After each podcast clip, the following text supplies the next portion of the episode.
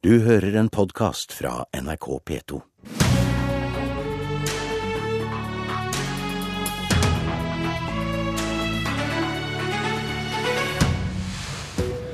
«300 norske fanger kan bli sendt til Nederland for å sone straffen.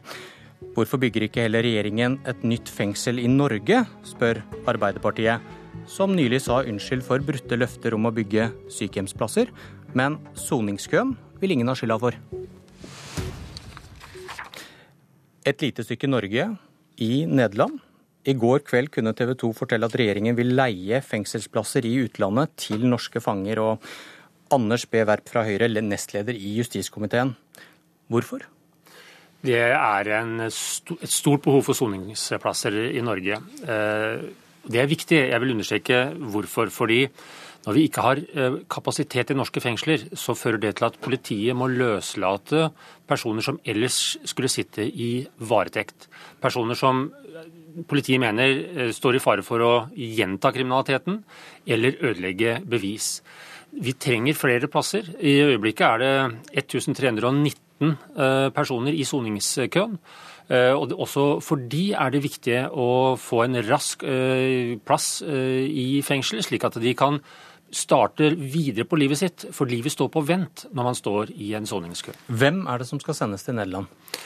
Det justisministeren har tydeliggjort, eh, det er at eh, det er eh, antakeligvis de med lengst straffer, lange straffer, og også utenlandske statsborgere med et utvisningsvedtak.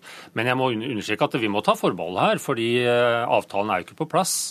Nederlandske myndigheter skal ha et ord med i laget, og dette skal også behandles i Stortinget. Justisministerens parti foreslo for noen år siden at det var nordmenn med bakgrunn fra andre land som skulle sone i utlandet. Kan det bli aktuelt?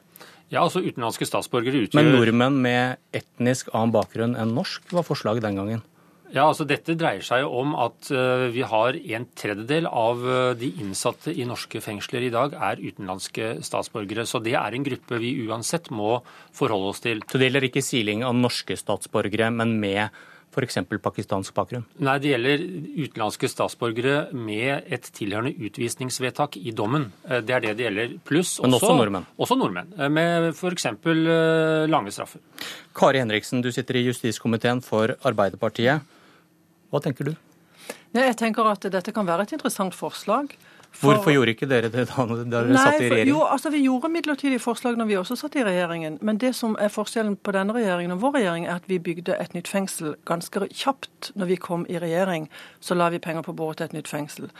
For eh, Kriminalomsorgen har to hovedspor. Det ene er straffen. Og akkurat knytta til selve straffegjennomføringen så kan dette være et interessant forslag. Men er Nederland en god idé? Det vet vi ikke. For vi har ikke sett hvordan regjeringa vil håndtere de dilemmaene som dette vil medføre. Du var inne på det i stad, et lite stykke Norge i utlandet. Hvordan er de juridiske forholdene knytta til dette? Vi vet at Sverige har takka nei på bakgrunn av at de har vurdert det juridiske så problematisk at det ikke ble aktuelt i Sverige. Og det er en del dilemmaer knytta til rehabiliteringen.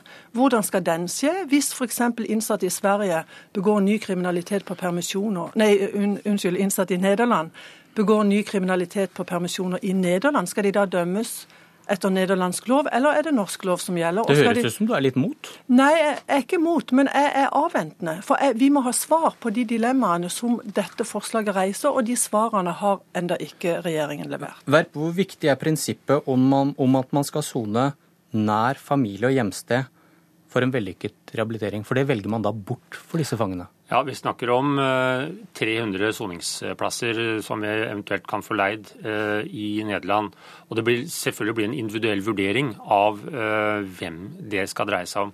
Vi har allerede vært inne på de utenlandske statsborgerne med, med utvisningsvedtak. Men hva med de Men norske? Hver, hvem er det ja, som ikke trenger å være i kontakt med hjemmet sitt og familien Det blir vurdert i hvert enkelt tilfelle. Det har vi god erfaring på, mye kompetanse på. Nettopp en individuell vurdering av Men, men du går med på at det, det velger man på en måte bort for å få inn det hensynet du sa i stad, det er viktig for, å sone raskt? For alle så er rehabilitering eh, særdeles viktig. Eh, straff er én ting, men eh, vi ønsker alle å legge til rette for at man skal komme ut og starte ut etter soning og starte et, et, kriminalitetsfritt liv. Så det blir naturligvis en individuell vurdering. Og Det er også viktig å understreke at det ligger som et, en forutsetning fra regjeringen at dette blir i så fall soning etter norsk regelverk, norsk lovverk og under norsk ledelse.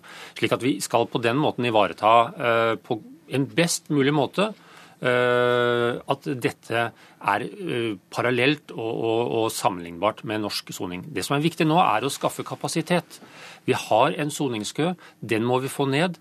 Og dette vil kunne være ett av flere tiltak for det. Kan det bli en tilleggsstraff, det å sone i utlandet langt vekk fra hjem og familie? Det kommer an på hva som er hensikten med soninga, sånn som Verp var inne på. For det er klart at soning er også individuelt. Men at det er noen som ikke trenger å bli rehabilitert? Det det uh, ja, det kan nok være noen som ikke trenger å bli rehabilitert. F.eks. som ikke skal tilbake til norsk, norsk eh, lokalsamfunn. Men når det gjelder nordmenn, er, er, det noen utvist. som ikke trenger å bli rehabilitert nei, av norske fanger? Nei, og, det, nei, og det, er derfor, det er derfor vi sier at i disse to sporene må vi ha konkrete forslag. Vi må ha de konkrete forslagene på bordet nettopp for å kunne vurdere hvorvidt dette begår. For det høres veldig enkelt ut å si si at norsk lov skal gjelde, men f.eks. sånn som besøk av pårørende. Hvem skal betale utgiftene? I dag dekker ingen utgifter til barn som skal besøke sin foreldre i fengsel f.eks. Skal de reise til Nederland? Hvem skal betale? Hvordan blir den kontakten opprettholdt hvis de skal bo i Nederland, og spesielt når det gjelder lange dommer? Vi vet at det har stor eh, effekt på, negativ effekt på barn, f.eks. Og dette er spørsmål som vi forventer regjeringen gir svar på når de kommer til Stortinget med den meldingen. Verp eh, Arbeiderpartiet ba nylig om unnskyldning for sykehjemsplasser som ikke ble bygget. Bør du be om unnskyldning for soningskøen? Høyre og regjeringen er mer opptatt eh, her av å se fremover. Eh, dette er et samfunnsproblem eh, for alle, og for politiet. Og ikke minst er det et personlig problem de som, for de som står i en soningskø. Det er det vi ønsker å løse. Jeg håper vi kan få til et bredt samarbeid i Stortinget om veien videre på denne saken. Dette, Forhåpentligvis får Stortinget dette på bordet i løpet av høsten, og da skal vi ta alle diskusjonene. Henriksen.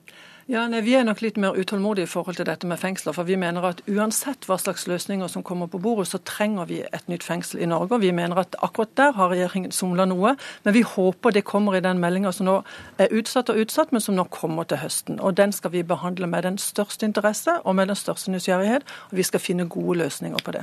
Da får vi se. Takk til dere.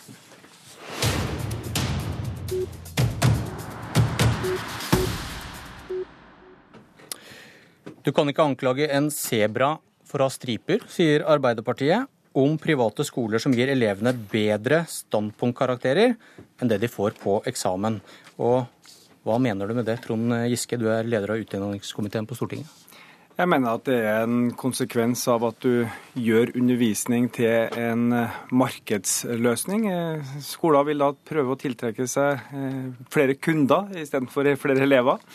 Eh, og en av de måtene de ønsker å tiltrekke seg disse elevene på, er jo gjennom å tilby litt bedre karakterer. Det er jo det som ofte er målet med å gå på en privatskole. Eh, og ja, det er jo om å gjøre å få flest mulig kunder, få størst mulig omsetning, størst mulig overskudd. Og da er det veldig naturlig at eh, det blir en eh, karakterinflasjon, som man kaller det. At man skyver karakterene eh, opp. Urettferdig selvfølgelig for dem som går i en offentlig skole og konkurrerer om de samme plassene på høyere utdanning. Men ikke overraskende konsekvens av at dette blir markedskreftenes arena. Men Handler dette om at du ikke bare vil fjerne stripene, du vil fjerne sebraen? Altså, Vi skal jo ikke fjerne alle mulige slags private alternativ, men vi skal være oppmerksom på at når du overfører en tjeneste som utdanning eh, fra å være en eh, kollektiv løsning i, eh, i den offentlige skolen til privat, privatiserte løsninger, så innfører du også markedskrefter. Og De har sin egen logikk. Jeg har vært næringsminister i fire år. Det er veldig fornuftig at bedrifter skal gå med størst mulig overskudd, redusere kostnader, øke inntektene, skaffe seg flere kunder. Men når det gjelder undervisning, Eh, og hvor karakteren da blir, eh, blir produktet, eh, så mener jeg at det ikke, i hvert fall generelt sett, er den gode løsninga. En undersøkelse Klassekampen skrev om i går, viser at det er da mindre sprik mellom standpunktkarakterer som skolen selv gir elevene, og eksamenskarakter i den offentlige skolen. Og Henrik Asheim, du sitter i utdanningskomiteen for Høyre og sitter også her. Du, du reagerte kraft, ganske kraftig på dette i går? Ja, Det jeg reagerte på i går, var SVs utdanningspolitiske talsmann som sa at eh, dette viser at skolene sminker karakterene. Det samme som Giske sier nå. Ja, for så vidt. Men som da NIFU-forskerne sier at man ikke har grunnlag for å si. Både fordi dette her er jo pedagoger, lærere som jobber i de private skolene, og da gå ut som utdanningspolitiker og si at dette er lærere som fullstendig setter til side den faglige kunnskapen de har, og sminker karakterene en sånn markedstenking, men det er en ganske sterk påstand som i så fall må underbygges. For det som NIFU-rapporten selv sier, det er at ja, det er et noe avvik mellom de offentlige og private skolene, men det er ikke stort. Det som er det store avviket, det er de elevene som har veldig høye karakterer. De går veldig ofte ned på eksamenskarakteren.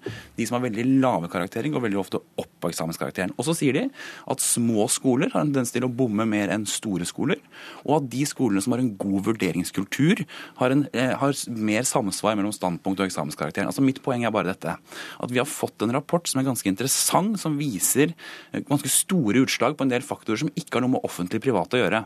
Og så har både SV og Arbeiderpartiet da, i sin iver etter å være mot privatskoler, sporet av de konklusjonene som NIFU selv kom med, for i stedet å få det over på privatskoler. Og det er helt greit at Trond Giske og jeg er uenige om privatskoler, men kan vi ikke lese denne rapporten og så basere oss på hva det står, og så diskutere tiltak for at det skal være en større samsvar mellom standpunkt og eksamenskarakter, uavhengig av om skolen er offentlig eller privat? Ja, Det siste er jo lett å være enig i. og Egentlig så burde jo helst skolen hatt mindre fokus på karakteren og mer fokus på læringa. Eh, men det er jo det som blir helt gærent da, når eh, det er karakteren som på en måte blir produktet her. 85 eh, av dem som hadde fått karakteren 6, gikk ned på eksamen. Det er et ganske klart varsel. Enkelte privatskoler kan du se på trikken i Oslo med svære reklamer, gir jo sågar, sågar en karaktergaranti. Kom til oss, vi gir deg karaktergaranti, står det i reklamen. Og det er jo klart Grunnen til at mange tar disse fagene om igjen og om igjen, er jo for å komme inn på ja, f.eks. medisin. da. Eh, eller andre studier som krever mye. Og Da er det disse sekserne eh, og noen femmere som teller. Men det er klart at hvis noen kan kjøpe seg gjennom private skoler høyere standpunktkarakter enn dem de konkurrerer med som går fra den offentlige skolen, så blir det jo dypt urettferdig.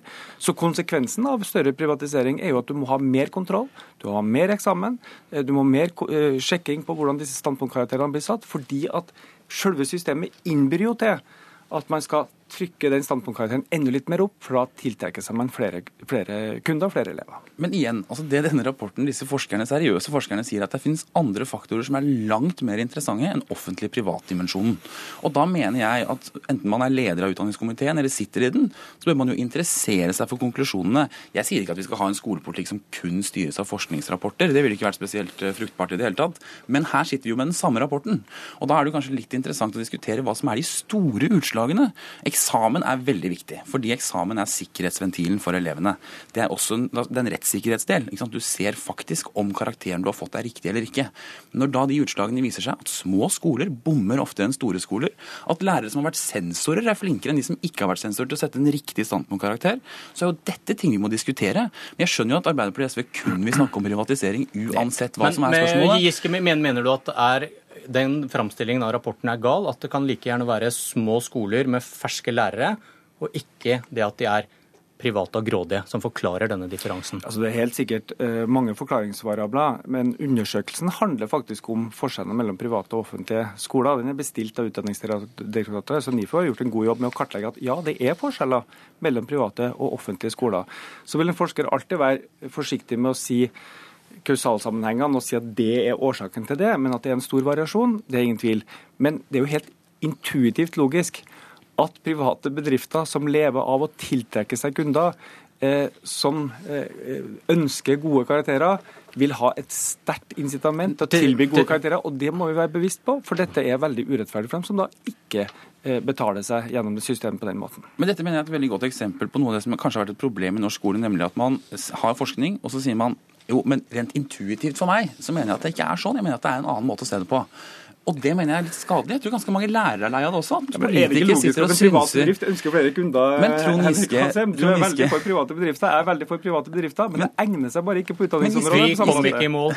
Henrik Asheim, Trond Giske, takk for debatten. Den fortsetter, hører jeg. Jeg heter Bjørn Myklebust, og Politisk kvarter er slutt. Du har hørt en podkast fra NRK P2.